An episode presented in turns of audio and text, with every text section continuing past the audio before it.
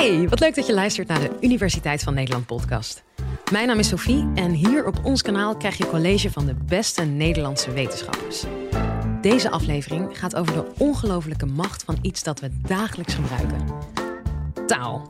En taal lijkt misschien een neutraal middel, maar toch veranderde het woord pro-life, bedacht door anti-abortusgroepen, het volledige abortusdebat. Want ja, wie is er nou weer tegen leven? Eugène Sutorius van de Universiteit van Amsterdam legt ons haarfijn uit hoe je iemand met één woord kunt overtuigen en daarmee de discussie volledig naar je hand kunt zetten. Enjoy! Live vanuit Club Air is dit de Universiteit van Nederland. Retorica, de kunst van het overtuigen door middel van taal. En taal, dames en heren, dat weet u, is een interessant weefsel. Het is een levend weefsel. Het is een weefsel van ons. Met taal praten wij, met taal communiceren wij. Wanneer u een sms'je stuurt, dat u het weekend niet komt, hoewel dat wel afgesproken was, dan kunt u over een sms'je van zes woorden wel een half uur doen. Dat is retorica. Het betekent dat het u moeite kost om in zes woorden, door middel van taal, uw ouders of uw vrienden of waar u zou zijn in dat weekend te overtuigen. Dat betekent dat het ertoe doet hoe u die woorden geschikt heeft en welke woorden u gekozen heeft. SMS'je, simpel sms'je. In dit college zal ik ingaan op de vraag hoe het toch mogelijk is dat je met behulp van een enkel woord, of soms maar een paar sleutelwoorden, een heel overtuigingsproces in gang kan zetten. De grap van de frame is dat het onbewust gebeurt maar wel een hele discussie op een andere manier gevoerd laat worden. Ik geef u het voorbeeld. In 2004 in Amerika, George Lakoff, een prachtige taalkundige, kwam met dit begrip. Kwam met framing als, hij definieert het als, een frame is een bundel van woorden en beelden, waarvan een deel verborgen blijft, bewust door de zender, en een ander deel naar voren wordt gebracht. Alles met het doel dat zich in ons, dat de luisteraar naar een andere interpretatie van eenzelfde werkelijkheid wordt geleid. Hij gaat op dat moment op een andere manier denken over belasting.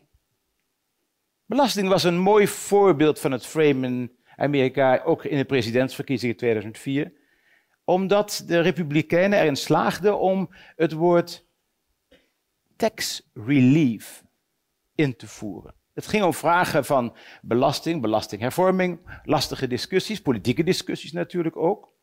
En door het begrip tax relief in te voeren, verschoof de discussie naar, van de Republikeinen naar de Democraten, alsof de, de Democraten al die tijd het probleem hadden geschapen van een te hoge belastingdruk. Het ging niet over belastinghervorming, het ging over tax relief. Het ging over een ander begrip.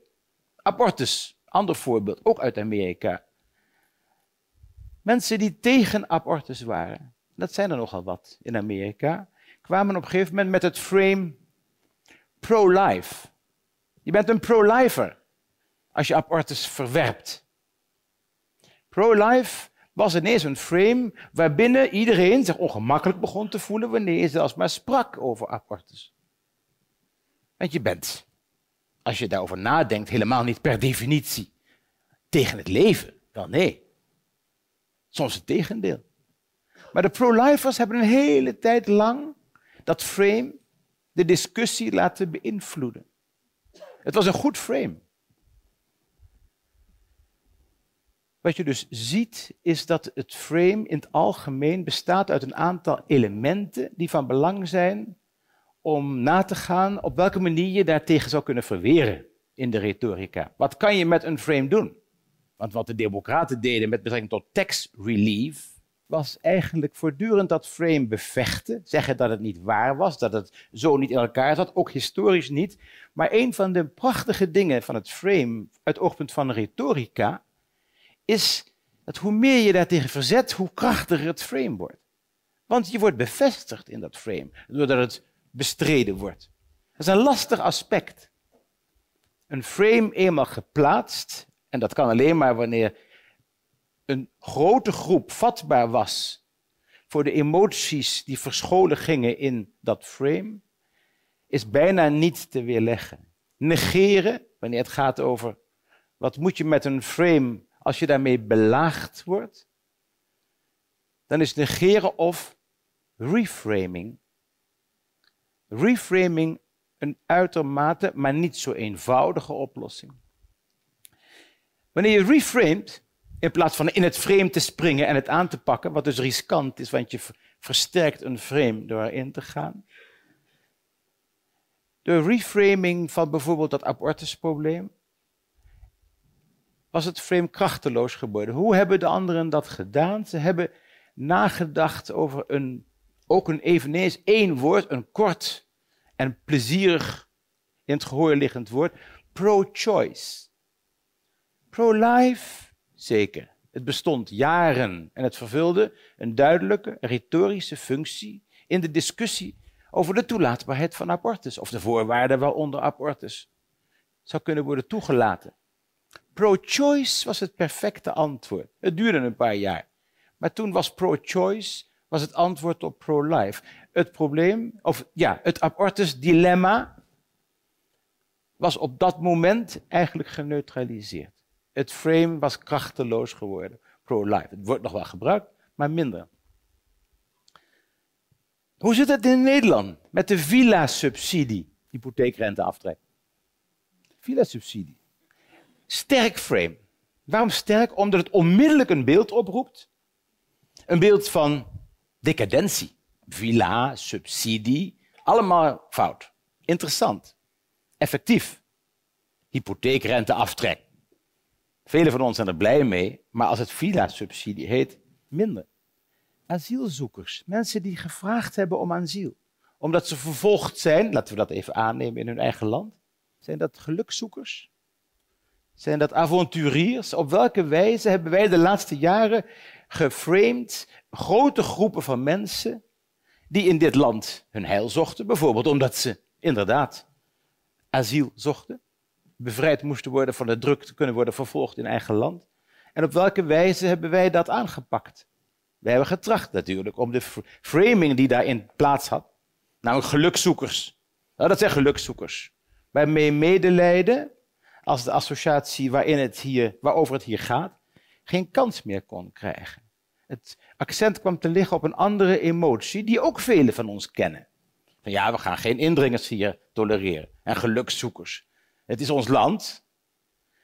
Wat gebeurt met een frame is dat op een emotioneel deel en in een onbewust proces wij worden, er een gedachtenstructuur wordt gebouwd die maakt dat we vervolgens over dat betreffende probleem ietsje anders gaan denken. De camera wordt iets anders gezet, maar het werkt fantastisch. Als het frame klopt, is dit een vorm van manipulatie waar we heel voorzichtig mee moeten zijn. En die we ook moeten kunnen ontmaskeren. Ik zeg mijn studenten altijd, retorica is niet alleen overtuigend leren spreken. Retorica is ook de, het, vermogen, het vermogen tot ontmaskering van technieken die niet deugen, om het maar even heel simpel te zeggen. Of die in ieder geval duidelijk herkenbaar moeten worden. En de retorica leert ons dat. Ik zal u een voorbeeld geven van een stuk onderzoek gedaan, empirisch onderzoek door de Stanford University in Amerika, waarin dat is uitgezocht hoe een onschuldige metafoor kan werken en hoe een metafoor min of meer hetzelfde effect sorteert als een goed frame. Ik geef u twee krantenberichten. Ik vraag u goed te luisteren. Het zijn twee fictieve krantenberichten. En het gaat over uh, criminaliteit. Criminaliteit is een probleem. Ik heb ook zelf nogal wat mee te maken gehad als strafrechter. En alle frames en alle metaforen ken ik daarover. Maar niet iedereen. En in de krant, in deze twee kranten, wordt op een verschillende manier gesproken over de criminaliteit. Het interessante daarvan is dat de krantenlezer gevraagd wordt om oplossingen aan te dragen voor de criminaliteit. Dat was wat Stanford wou doen. Stanford deed dat een stukje meer sophisticated dan ik het hier doe, maar ik ga het toch eens met u doen. Krant 1. Gaat over criminaliteit, hè? Ik lees het krantenbericht maar even voor. Ik heb het zelf gemaakt. De criminaliteit in Amsterdam groeit met de dag. Uit de statistieken blijkt dat de misdaad als een virus om zich heen grijpt. De sociale verhoudingen binnen de stad raken besmet. Zelfs scholen worden geïnfecteerd. Het ontwikkelt zich als een plaag. Amsterdam wordt zo een zieke stad. Als wij geen oplossingen voor dit probleem vinden. U bent nu al bezig oplossingen te zoeken. Daar, ben ik, daar vertrouw ik op. Ik zal u straks vragen welke. Ik ga even naar de groep daar. Die leest een heel ander bericht. Die leest dit bericht. De criminaliteit in Amsterdam groeit met de dag. Hetzelfde, hè? Uit de statistieken blijkt, hetzelfde nog steeds, hè, dat de misdadigers er steeds vaker toeslaan. De stad in hun greep hebben, waarbij het niet alleen maar de kwetsbaren meer zijn die ten prooi vallen aan dit monster. Het monster van de misdaad. Amsterdam wordt zo een gevaarlijke stad. Als er geen oplossingen voor dit probleem gevonden worden. Zelfde tekst, hè, die laatste. Waar Stanford achter kwam, was dat de groep die het krantenbericht gekregen had, waar het ging over een virusepidemie, criminaliteit is een virusepidemie, dat die groep zocht, significant vaker zocht in de richting van verbetering van de levensomstandigheden, zorgen dat de criminaliteit wordt begrepen en dat er beter onderwijs wordt gegeven.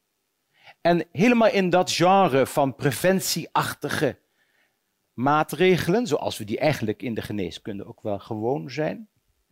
En de groep van het monster kwam met zwaardere straffen, kwam met grotere pakkans, kwam met lik op stuk, kwam met een aantal andere lijnen van oplossing, die in die zin werkelijk hoogst relevant waren, dat je significant waren, dat je kon zeggen en kon menen en kon vermoeden, en dat is dan ook later uitgekomen, dat zich in de wijze waarop wij denken over criminaliteit, door de wijze waarop de woordkeuze was gemaakt met betrekking tot het probleem, er iets veranderd was.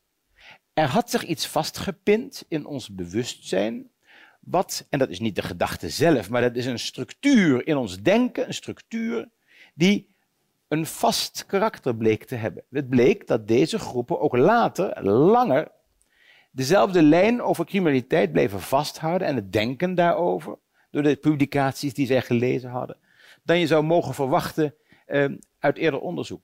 Dat is een interessant punt.